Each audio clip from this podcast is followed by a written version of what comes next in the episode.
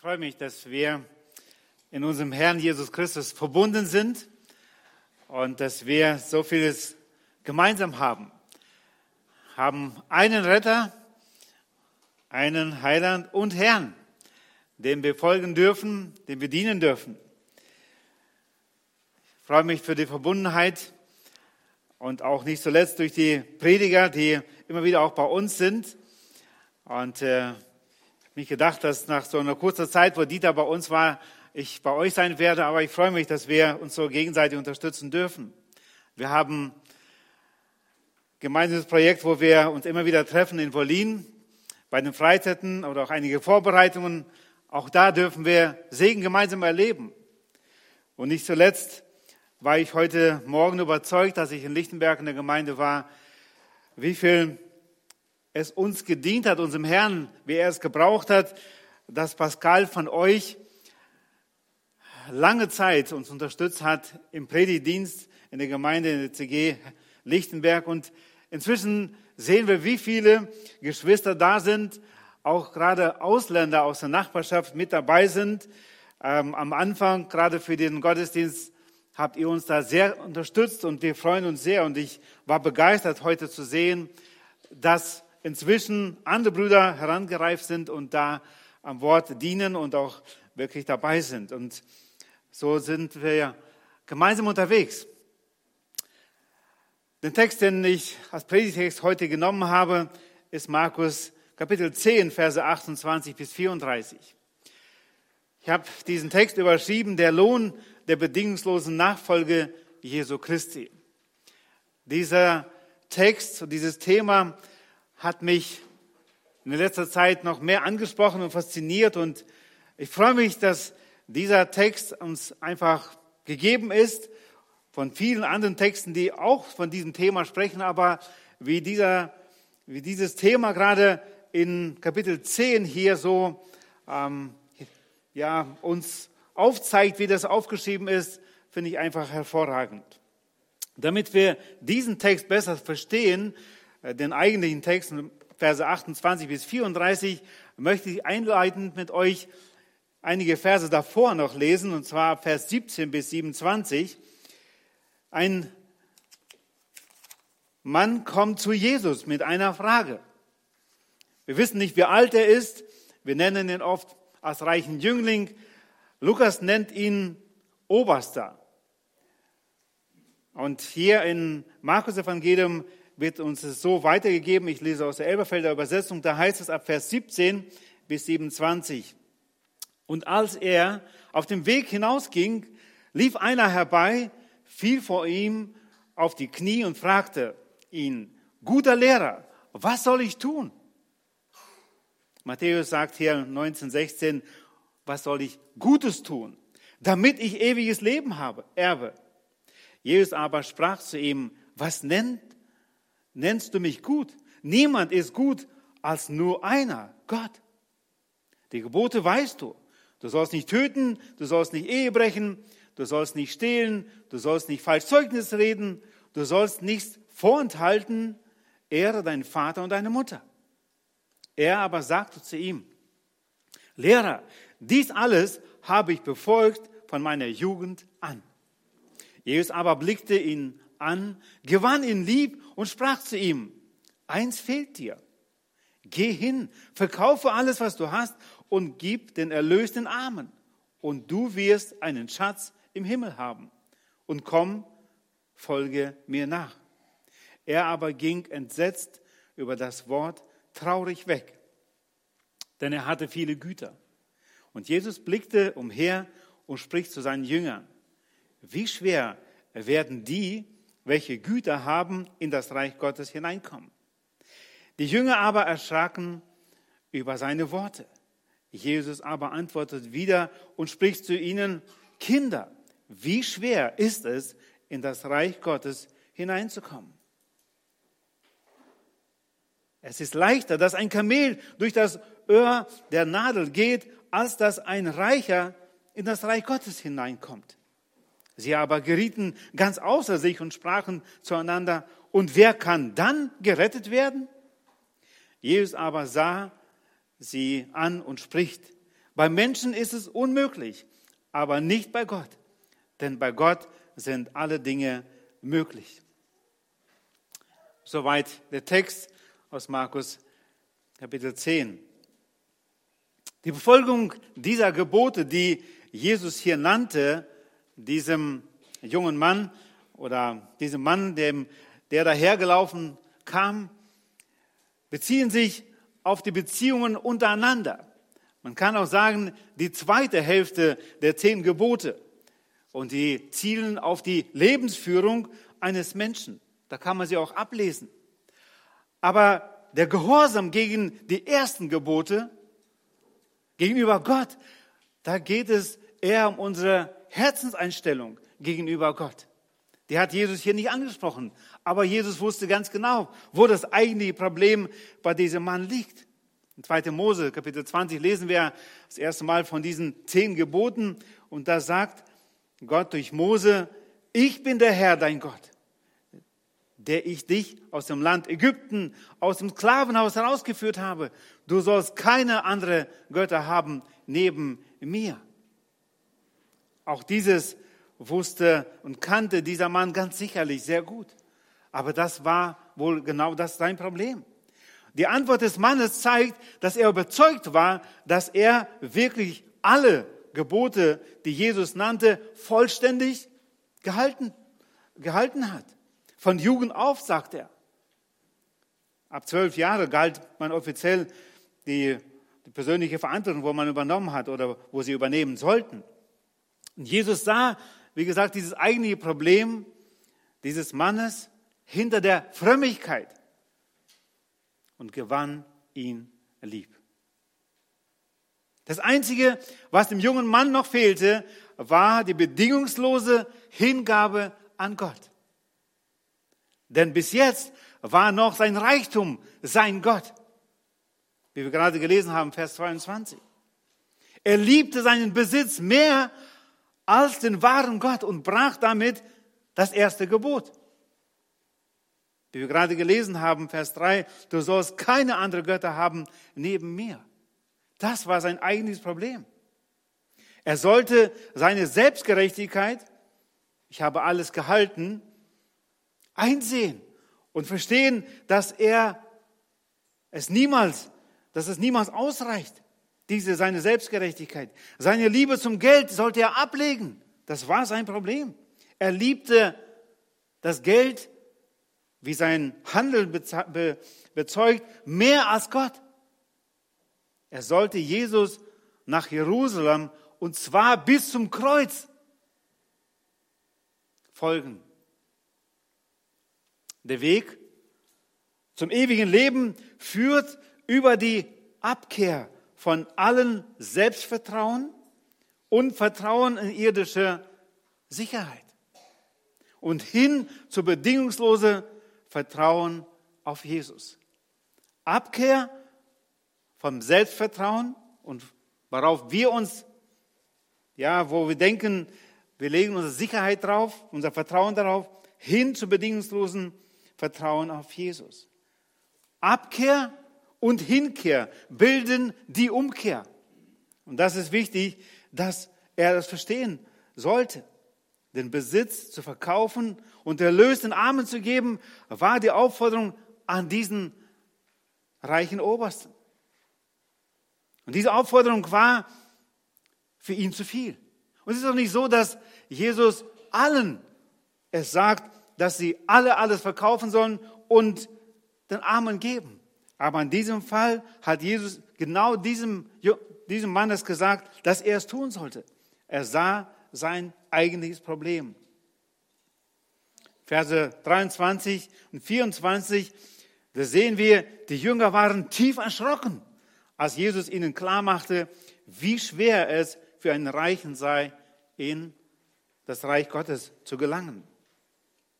In ihrem Verständnis war Reichtum eher ein Segen als ein Fluch.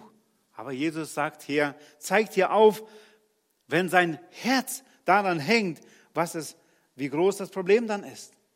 Das Bild vom Kamel und dem Öhr einer Nadel erschreckt die Jünger noch mehr. Wer kann dann errettet werden? Aber Jesus sagt ihnen, denn bei Gott sind alle Dinge möglich. Bei Gott ist es möglich, uns zu erretten. Es ist die pure Gnade Gottes. Nicht wir selbst können was leisten dazu, um errettet zu werden, sondern es ist die Gnade Gottes. Und wir sind Begnadete, um mit Hingabe aus Dankbarkeit unserem Heiland und Herrn zu dienen. Und hier beginnt unser Predigtext, Verse 28 bis 34 in Markus 10. Ich lese zuerst die ersten Verse, also Verse 28 bis 31. Petrus begann und sagte zu ihm, siehe, wir haben alles verlassen und sind dir nachgefolgt. Jesus sprach, wahrlich, ich sage euch, da ist niemand, der Haus oder Brüder oder Schwestern oder Mutter oder Vater oder Kinder oder Äcker verlassen hat, um meinetwillen und um des Evangeliums willen, der nicht hundertfach empfängt, jetzt in dieser Zeit Häuser und Brüder und Schwestern und Mütter und Kinder und Äcker unter Verfolgungen und in dem kommenden Zeitalter ewiges Leben. Aber viele Erste werden Letzte und Letzte Erste sein. Der Lohn der bedingungslosen Nachfolge Jesu Christi. Und den ersten Vers, den wir gerade gelesen haben, Vers 28, habe ich überschrieben, Jesus bedingungslos nachfolgen. Fragezeichen, Ausrufezeichen. Was bedeutet es, Jesus bedingungslos nachzufolgen? Lass uns einige Gedanken dazu machen. Es ist interessant festzustellen, dass Petrus als Sprecher der Zwölf Jesus versucht zu erinnern, dass wir, ist im Griechischen betont, dass die Jünger im Gegensatz zu diesem reichen Obersten alles verlassen haben, um ihn nachzufolgen. Wir lesen in den Kapitel davor äh, einige Male, wo Jesus einzeln oder auch die beiden Brüder zusammen in seine Nachfolge ruft. In dieser Feststellung, wo er sagte, wir haben alles verlassen. Zum Gegensatz zu diesem reichen Obersten, da schwingt eine, eine Frage mit. Wie werden wir dafür entschädigt? In Matthäus 19, 27, wo auch diese Begebenheit beschrieben wird, da heißt es, was wird uns dafür zuteil? Die Jünger, auch wenn sie nur Fischer waren, haben gut überlegt. Und diese Frage war für sie nicht unwichtig. Was wird uns dafür zuteil? Wie werden wir entschädigt, dass wir alles verlassen haben und dir nachgefolgt sind? Und offensichtlich erhofften sich die Jünger im Reich Gottes besondere Ehrungen oder ehrende Plätze. In Markus 9, 33 bis 35, wenn wir nur kurz zurückschauen, da lesen wir davon, unter anderem, da heißt es, Markus 9, 33 bis 35, und sie kamen nach Kapernaum. Und als er im Hause war, fragte er sie, was habt ihr unterwegs besprochen? Vers 34, sie aber schwiegen, denn sie hatten sich auf dem Weg untereinander besprochen, wer der Größte sei. Und er setzte sich, rief die Zwölf und er spricht zu ihnen, wenn jemand der Erste sein will, soll er der Letzte von allen und aller Diener sein. Etwas weiter, Markus 10, 35 bis 37, da heißt es, und es treten zu ihm Jakobus und Johannes, die Söhne des Zebedäus, und sagen zu ihm, Lehrer, wir wollen, dass du uns tust und was wir, um was wir dich bitten werden. Er aber sprach zu ihnen, was wollt ihr, dass ich euch tun soll? Sie aber sprachen zu ihm, gib uns, dass wir einer zu deiner Rechten und einer zu deiner Linken sitzen, in deiner Herrlichkeit. Die Jünger folgten Jesus. Bedingungslos oder doch noch nicht? Wir lesen mit so einer Leichtigkeit über diese Berichte im Evangelium. Und vielleicht denkst du, sie hatten ja sowieso nichts Besonderes, was sie aufgeben sollten oder was sie verlassen mussten. Die paar Netze, die Boote. In Markus 1 lesen wir auch noch von den Eltern, von dem Vater. Aber Levi am Zollhaus, ein riesengroßes Haus, er hatte Bedienstete, er folgte Jesus. Und Jesus sagte ihnen, ich werde euch zu Menschenfischer machen. Aber auch dieses mussten sie im Glauben annehmen, denn vieles anderes, was sie sahen bei Jesus, das war nicht sehr vielversprechend. Er sagte zu ihnen, der Menschensohn hat nicht, wo er sein Haupt hinlegen kann. Ich werde verfolgt, ihr auch.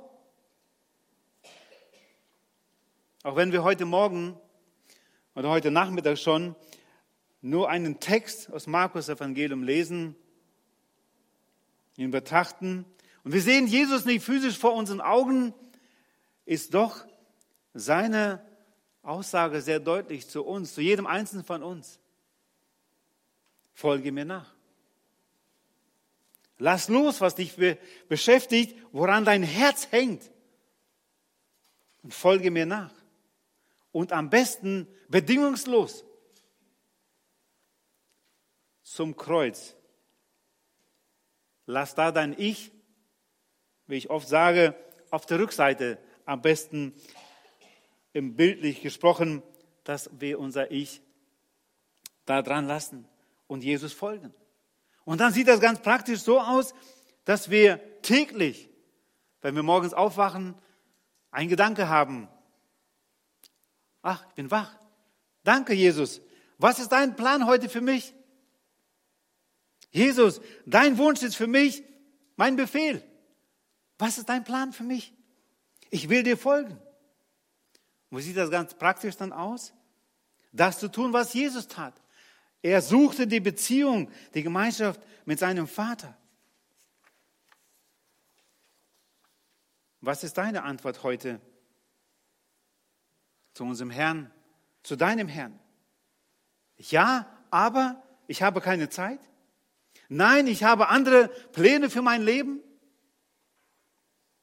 Mit wem hast du deinen Zeitplan abgestimmt? Ist es der Herr Jesus? Hat er sein, dein Arbeitspensum unterschrieben? Hat er dein Lernpensum unterschrieben?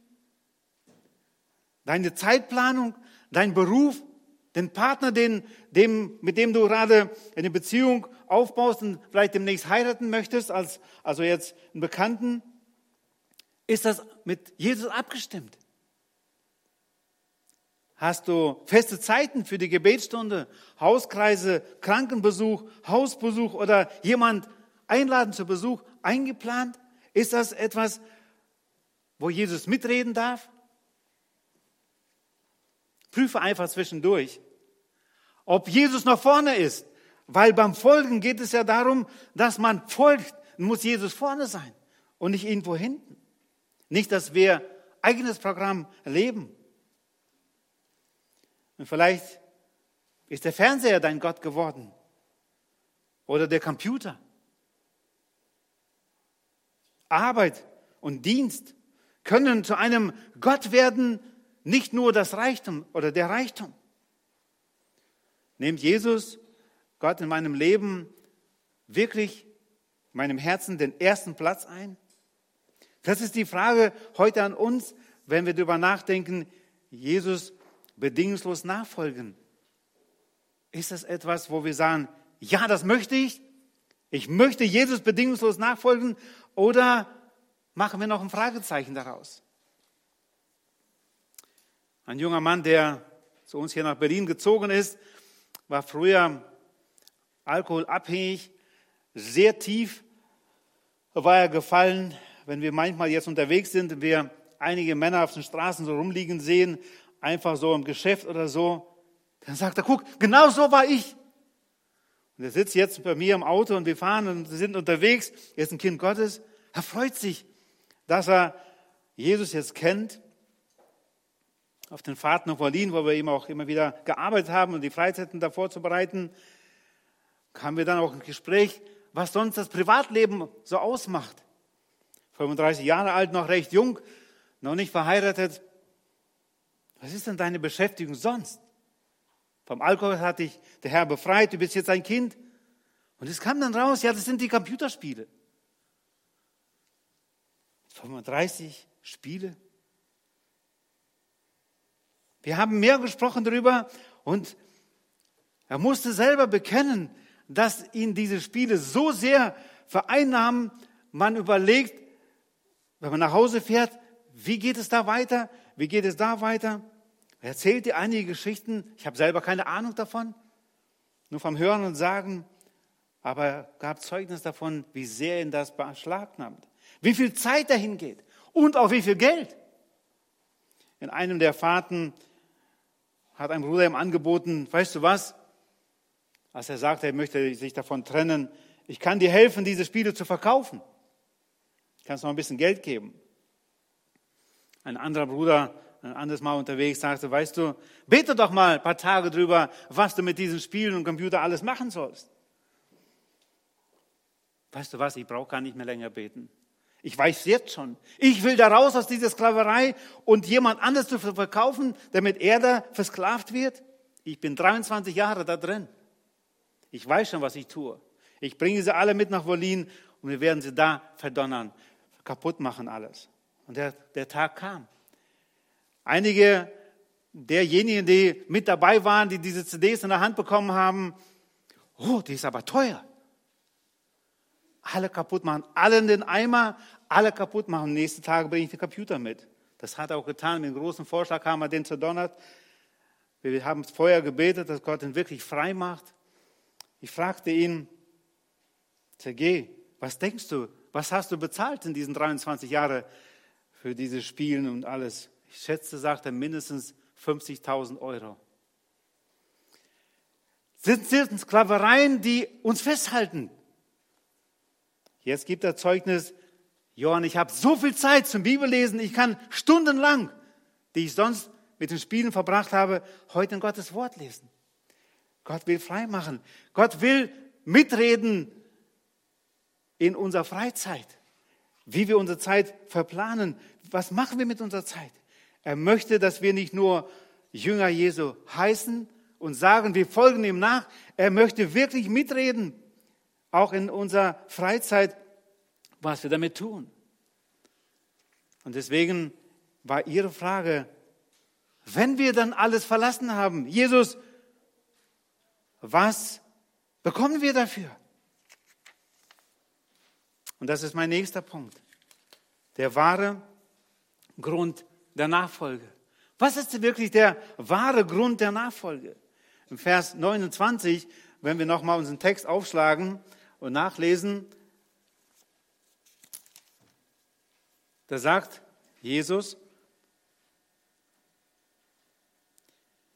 Jesus sprach, wahrlich, ich sage euch, da ist niemand, der Haus oder Brüder oder Schwestern oder Mutter oder Vater oder Kinder oder Äcker verlassen hat, um meinetwillen und um des Evangeliums willen.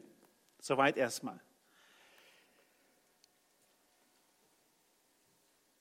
Es war sicher Jesu Freude, ihnen zu berichten oder ihnen zu sagen, was sie dann dafür bekommen, welchen Gewinn sie haben. Er sagt es aber ihnen sehr deutlich, es kommt auf die Motive drauf an. Und das sehen wir auch in diesem Vers sehr deutlich. Die Motive der Nachfolge sind von größter Bedeutung. Um sich nicht zu früh zu freuen, sagt Jesus es, bringt es auf den Punkt, denn er sagt, es ist die Treue zu Jesus und zum Evangelium. Dabei der Verlust von Häuser und Äcker, Familie und vieles mehr.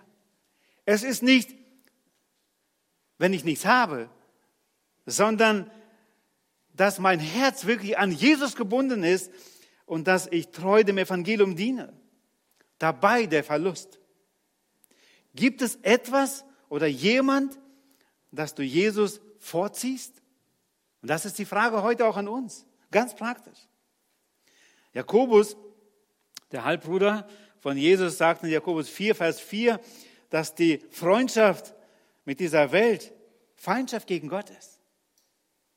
Er ist ja auch sehr genau und sehr praktisch. Und wer ein Freund der Welt sein will, wird zum Feind Gottes. Auch das ist wichtig, dass wir dieses verstehen. Prioritäten sich setzen ist das A und O. Es ist wichtig, sich abzustimmen, das mit dem Herrn, was meine Prioritäten sind. In seinem Wort können wir vieles davon ohne groß nachzudenken, ohne groß dafür zu beten, können wir schon erkennen, was ist der Wille Gottes für uns? Was soll unsere Priorität sein? Dieses Verlassen, zum Beispiel, was wir gerade gelesen haben von dem Partner oder für den Dienst, es geht nicht darum, dass wir die Familie vernachlässigen. Nein, dem Hause gut vorstehen. Und wenn wir das nicht tun, dann taugen wir auch nichts fürs Reich Gottes. Es geht nicht darum, dass wir als Familie dafür sorgen oder als Ehemann, dass wir dreimal im Jahr in Urlaub fahren und dabei viel Streit haben. Wir sorgen ja für die Familie. Nein, es geht nicht darum. Es geht darum, dass wir aus Liebe zu Gott der Familie gut vorstehen und mit der Familie Gott dienen. Und das ist eine große Herausforderung. Wie wir länger schon dabei sind, können das sehr gut nachvollziehen.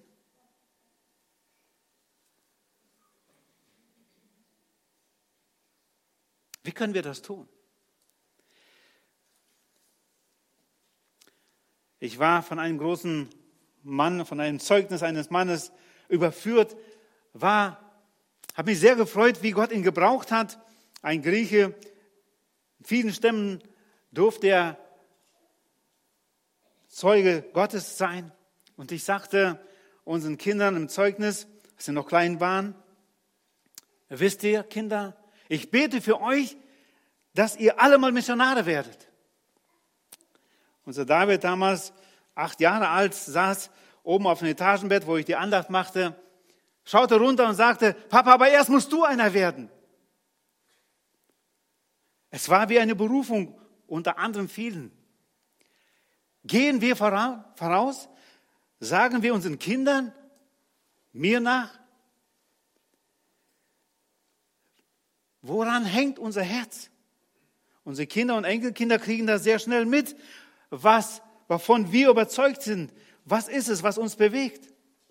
Selbst da, wo wir Jesus dienen. Sie kriegen es mit. Ist es wirklich die Liebe zu Jesus?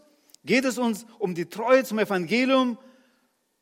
Oder bekommen wir da bei dem Dienst Anerkennung? Geht es da wiederum um uns? Wenn wir es in der Welt nicht wirklich geschafft haben, irgendwie voranzukommen, was zu machen, aber eine Gemeinde, da wird man auch akzeptiert, wie man ist. Da kann man singen, da kann man dienen und, und, und. Sie kriegen es mit. Und vor allen Dingen kriegt Jesus es mit. Er weiß ganz genau, ob unser Herz wirklich an ihm hängt. Geht es uns wirklich um die Ehre unseres Herrn? Ich wünsche mir so sehr, dass Gott uns Gnade schenkt, dass wir echt sind in diesen Fragen. Apostel Paulus war Jesus hingegeben. Es war ihm ein großer Wunsch, wirklich zum Preise seiner Herrlichkeit zu leben. Und er bringt es so zum Ausdruck in Epheser 2, Vers 8. Denn aus Gnade seid ihr errettet. Durch Glauben. Und das nicht aus euch. Gottes Gabe ist es. Es ist eine Gnade Gottes, dass wir gerettet wurden. Aber er sagt noch weiter in Epheser 4, Vers 7, jedem Einzelnen von uns aber ist die Gnade nach dem Maß der Gabe Christi gegeben worden. Gott hat uns verschiedene Begabungen gegeben und möchte, dass wir nun ihm dienen. Paulus, der das Evangelium annahm auf dem Weg nach Damaskus, sieht sich schuldig, es weiterzutragen. Und Römer 1, 14 bis 17 spricht er davon. Vers 15 sagt er, um euch Gottes gute Botschaft zu verkündigen. Denn ich schäme mich nicht für die gute Botschaft von Christus. Diese Botschaft ist die Kraft Gottes, die jeden rettet, der glaubt. Leben aus Glauben. Ist es nicht so, dass wir uns schnell daran gewöhnen, wir sind nur errettet? Und die Menschen, die verloren gehen, gehen halt verloren. Ist es wirklich, so wie Paulus es sagt, dass er, dass es ihn bewegt, wirklich das Evangelium weiterzutragen? Und ich bin schon davon überzeugt, dass wir nicht alle gleich gleiche Gaben haben oder auch gerade das Evangelium auf diese Art und Weise weiterzutragen haben. Aber Gott wünscht, dass wir ihm in der Beziehung wirklich lieben über alles und aus dieser Liebesbeziehung mit ihm wirklich dann ihm treu dienen. Der wahre Grund der Nachfolge. Das Verlassen ist eine Sache, das, was uns festhält. Es geht dann weiter um die Belohnung. Wir haben schon gesagt, Treue zu Jesus oder Gott, eine Beziehung, die wir leben aus Dankbarkeit, der Gnade, die wir erfuhren, Liebe soll uns bewegen, dass wir gegenlieben, dass wir jetzt aus Liebe und Dankbarkeit unserem Herrn dann dienen. Jesus selbst gebraucht dieses Wort, das Evangelium, dass wir es immer weiter tragen, diese Rettungsbotschaft und umfasst, wie gesagt, diese Verkündigung des Evangeliums. Jesus will, dass wir es tun und das von ganzem Herzen. Im Evangelium offenbart sich die Gerechtigkeit Gottes, die mit dem Sünder ins Gericht geht, ihn aber im Glauben gerecht spricht. Und diese Botschaft dürfen wir weitertragen. Evangelium als das Wort vom Kreuz, das uns wirklich Gottes Kraft ist, aber die verloren gehen, heute noch Torheit. Aber wir dürfen auch ihnen es vorleben und ihnen sagen. Matthäus 24, 14 heißt es, und dieses Evangelium des Reiches wird gepredigt werden auf dem ganzen Erdkreis, alle Nationen zu einem Zeugnis und dann wird das Ende kommen. Noch ist dieser Auftrag nicht erfüllt, noch nicht erledigt. Es gibt nur ein einziges Evangelium, das wirklich rettet. Sind wir davon wirklich überzeugt? Wenn wir schweigen, sind wir auch davon überzeugt? Ich glaube, da können wir uns selbst prüfen. Wenn wir glauben, dass es wirklich das einzige Evangelium ist, das rettet, dann hoffe ich und wünsche ich mir, dass Gott uns Gnade schenkt, immer wieder doch darüber zu sprechen. Gott schenkt uns heute diese Möglichkeit sehr unterschiedlich. Es ist wichtig, dass wir es bekannt geben, bekannt machen. Wir haben alle Antworten im Evangelium. Warum sterben Menschen? Römer 6, 23. Denn der Lohn der Sünde ist der Tod. Aber Jesus kam und jetzt können wir vom Neuen geboren werden. Und wir können leben, die wir tot waren. Und wir dürfen dieses Evangelium weitertragen. Wir sind nun Botschafter an Christi Stadt, sagt Paulus 2. Korinther 5, 20 bis 21. Indem Gott gleichsam durch uns ermahnt. Wir bitten für Christus, lasst euch versöhnen mit Gott. Und die ersten Jünger der Aposteln waren davon überzeugt.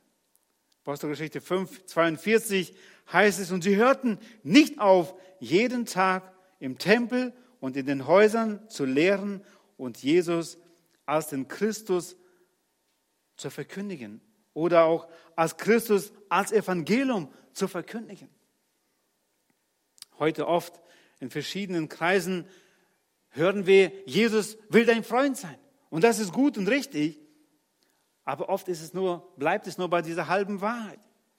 Jesus möchte unser Freund sein, ja, aber wir haben eine Vergangenheit. Sünden, die wir begangen haben. Und sie muss bereinigt werden. Wir müssen Buße tun. Aber es ist so wichtig, dass wir dieses den Menschen aufzeigen. Jesus als Vorbild. Wenn wir da rechtschaffen sind, dann will der Herr uns wirklich dabei helfen. Der wahre Grund der Nachfolge. Prüfen wir uns selbst, ob wir wirklich aus Liebe und Dankbarkeit oder brauchen wir, müssen wir irgendwo Buße tun? Hat sich etwas verkalkt, will ich einfach so in Klammern sagen, wo wir einfach das nicht mehr erkennen, darüber nicht so oft nachdenken, dass Jesus doch wirklich alles sieht, was meine Motive wirklich sind. Der Herr möchte uns dabei helfen. Er sagt sehr deutlich, Jesus hier in unserem Text, wenn es nicht um ihn geht und des Evangeliums willen, brauchen wir auch gar nicht über den Lohn nachdenken.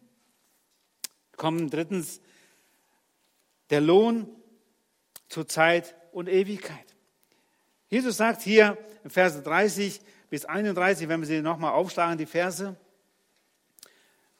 er sagt er, wenn wir um seinetwillen, um meinetwillen und um des Evangeliums willen wirklich ähm, ihm folgen, dann heißt es Vers 30, der nicht hundertfach empfängt jetzt in dieser Zeit Häuser und Brüder und Schwestern und Mütter und Kinder und Äcker unter Verfolgungen und in dem kommenden Zeitalter ewiges Leben.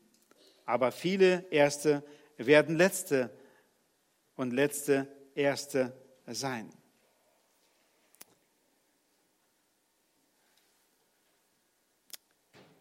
Der Lohn zur Zeit und Ewigkeit.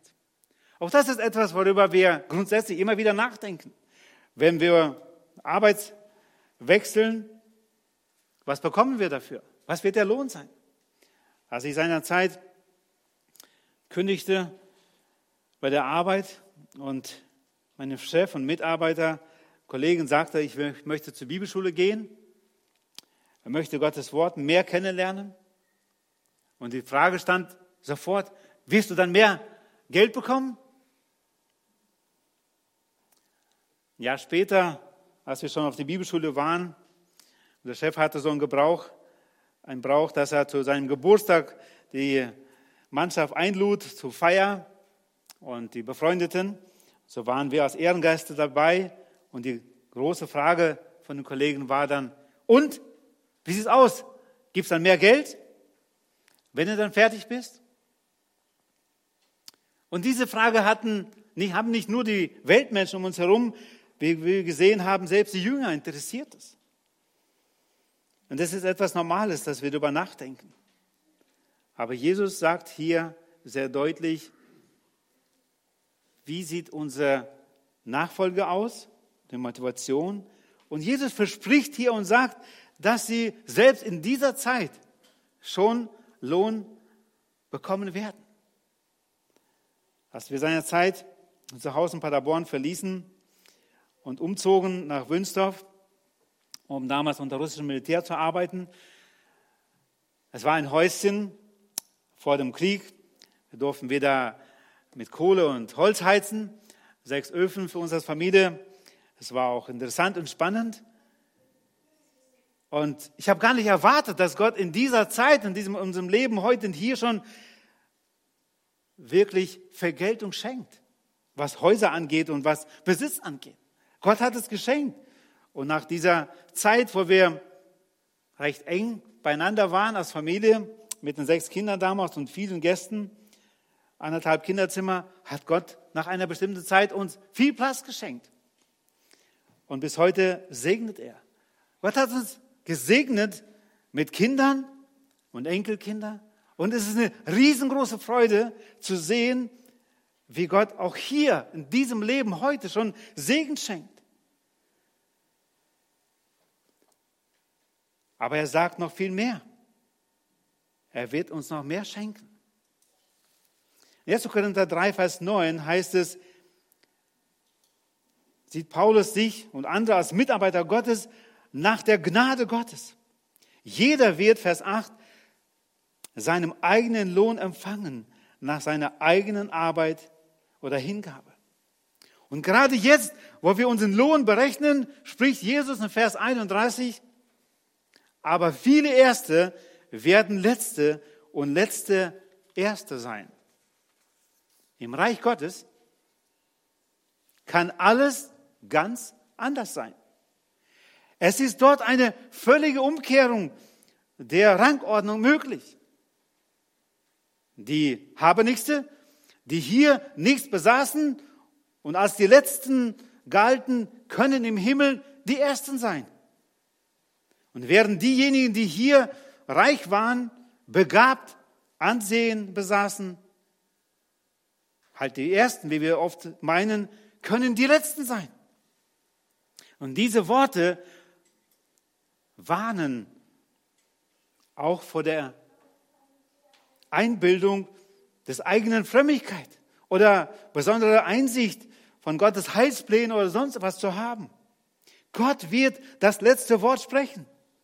Wer sind wir, dass wir darüber entscheiden? Die Belohnungen im Reich Gottes haben nichts mit irdischen Maßstäben wie Rang, Dienstalter zu tun, sondern basieren auf der Treue zu Jesus und seiner Nachfolge. Im Wissen, ohne ihn können wir gar nichts tun. Und von der anderen Seite sich zu trauen und sagen, Herr Jesus, hier bin ich, gebrauche mich. Je mehr der Herr uns gegeben hat, je mehr Verantwortung oder Rechenschaft werden wir geben müssen. Da, wo es um Belohnung hier in Zeit geht, ist interessant, in Vers 30 ein kleines Wörtchen zu bemerken, dürfen wir nicht überlesen. Da heißt es, unter Verfolgungen. Auch diese ähm, Geschwister, die diesen Brief des Evangeliums damals bekamen, es war wichtig, auch ihnen zu sagen, dass gerade es oft der Dienst auch unter Verfolgung sein kann. Und Verse 43 in dem gleichen Kapitel bis 45 lesen wir Markus 10, da sagt Jesus, so aber ist es nicht unter euch, sondern wer unter euch groß werden will, soll euer Diener sein. Und wer von euch der Erste sein will, soll aller Sklave sein. Denn auch der Sohn des Menschen ist nicht gekommen, um bedient zu werden, sondern um zu dienen und sein Leben zu geben als Lösegeld für viele. Da, wo wir uns in den Dienst trauen, da kann es bedeuten, wirklich auch Verfolgung. Wir hatten gerade am Donnerstag Missionare, die unterwegs sind, kommen ursprünglich aus Moldawien oder sind auch da heute wohnhaft, dürfen heute aber auch in verschiedenen Ländern sein, gerade unter Moslems arbeiten, unter anderem selbst bis Irak, äh, Libyen, Iran, verschiedenen Ländern. Und sie sagen, oft fragen wir in den Gemeinden, wer möchte mit? Wer möchte helfen, gerade wenn wir musizieren, wenn wir dienen, das Evangelium verteilen? Ob es in der Türkei ist oder in anderen Städten, Ländern. Und oft sagen die Eltern dann, selbst wo die jungen Leute willig sein, äh, mitzugehen, da sagen die Eltern, aber ja, irgendwo in Europa gerne, aber nicht da in diese Länder. Es kann wirklich sehr eng und sehr schwierig werden. Unter Verfolgung kann es passieren, dass wir auch da sie kommen. Und dieser, diese Worte, wo es um wirklich um Lohnung, Belohnung, Vergütung hundertfach geht, wie wir gerade gesehen haben, unter Verfolgung, es bleibt oder das hält uns demütig.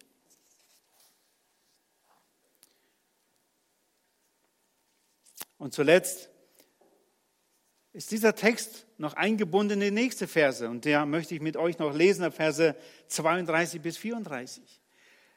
Denken wir noch mal kurz zurück. Es war dieser Mann, der reich war, der zu Jesus kam mit dieser Frage, was muss ich tun, um wirklich ein gutes Erbe zu haben? Er hat Jesus verlassen. Er ist ihm nicht nachgefolgt. Die Jünger waren dabei, ihm zu folgen. Sie hatten zwar ihre Fragen, was bekommen wir dafür? Und sie haben schon darüber nachgedacht. Und wir haben gesagt, dass der, das ist wichtig, die Motivation, was wir haben. Wir dürfen auch selbst über den Lohn nachdenken. Und Gott ermutigt uns auch und Jesus verspricht uns. Aber er sagt noch etwas den Jüngern hier.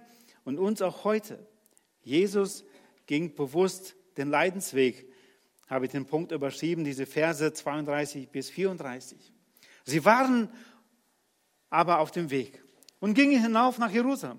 Und Jesus ging vor ihnen her und sie erschraken. Die ihm aber nachfolgten, fürchteten sich.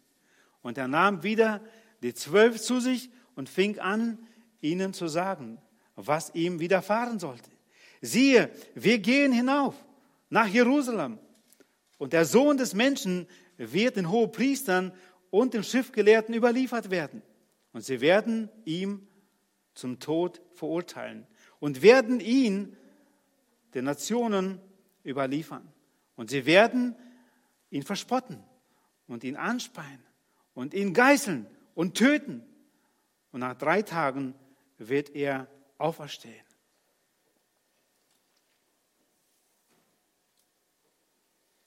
Dafür wir über Belohnung nachdenken oder auch die Jünger selbst, sie sprechen dafür, was bekommen wir dafür?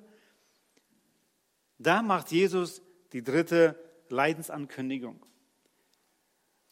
In Kapitel 8 lesen wir schon davon ab Vers 31 mit der Aufforderung, sich zu verleugnen, da wo Jesus sein Leiden ankündigt. Er sagt zu ihnen, dass sie sein Kreuz auf sich nehmen und ihm folgen sollen.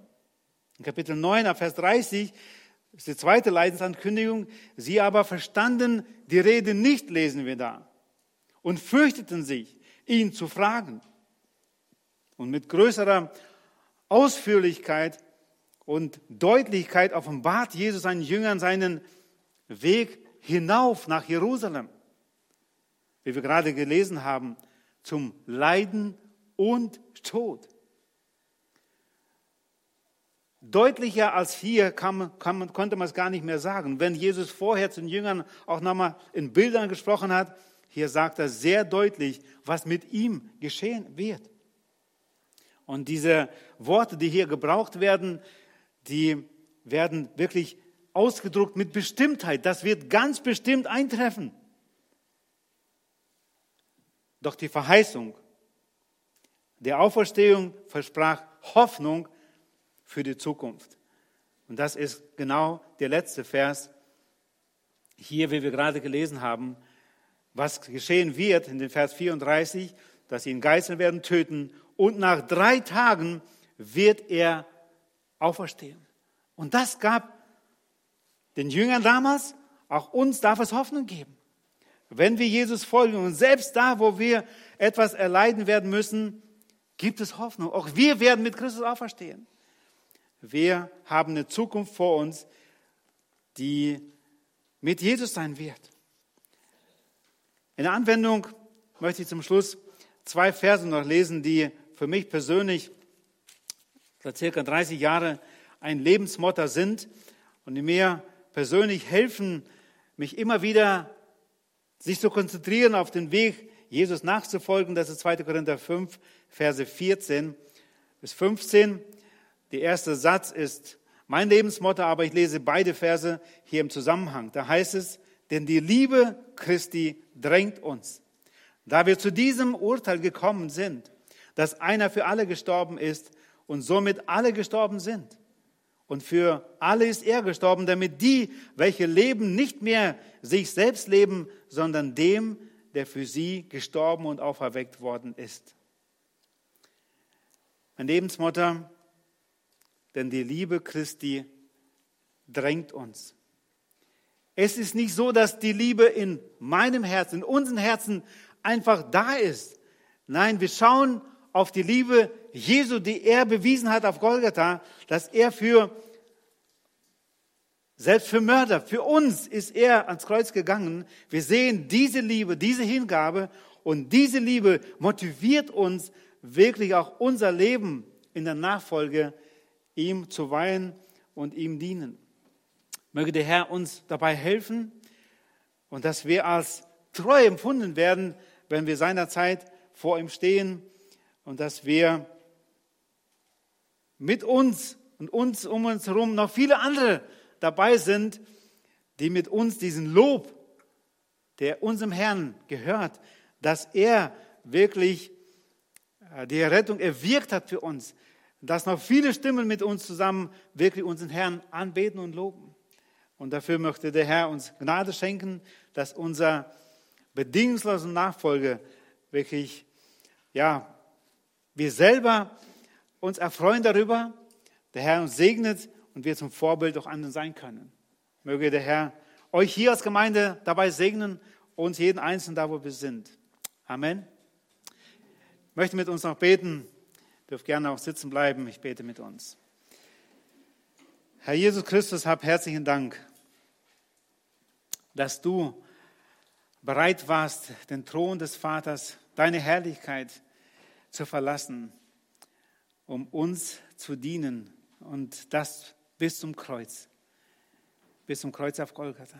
Hab herzlichen Dank, dass du uns gedient hast und uns dienst. Hab herzlichen Dank, dass diese Botschaft des Evangeliums auch uns erreicht hat. Und wir durften aus Gnade, Herr, im Glauben sie annehmen. Und heute dürfen wir uns freuen, deine Annahme, dass du uns vergeben hast. Und dass du uns zu Botschaftern deiner Stadt machst, dass du uns zu Dienern Gottes machst. Herr, du hast uns dein Evangelium anvertraut und du wünschst, dass wir nicht nur Jünger sind, die sich selber erfreuen über das Evangelium, über die Rettung, sondern du möchtest, dass wir das Evangelium weitertragen. Und ich möchte dich bitten, dass du uns hilfst, darin treu zu sein. Hab herzlichen Dank, dass du uns auch Lohn versprichst. Du willst das belohnen heute und hier schon und einmal in Ewigkeit. Herr, schenkt es unser Dank, einfach dich für deine Liebe uns einfach täglich begeistert und uns motiviert, dir zu dienen. Segne du uns, Herr und setze uns zum Segen für andere Menschen.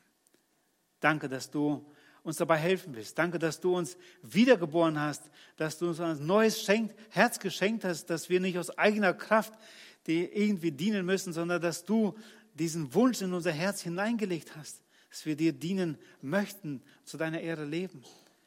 Herr, segne du uns weiterhin. Danke, dass du mit uns bist. In Jesu Namen, Vater. Amen.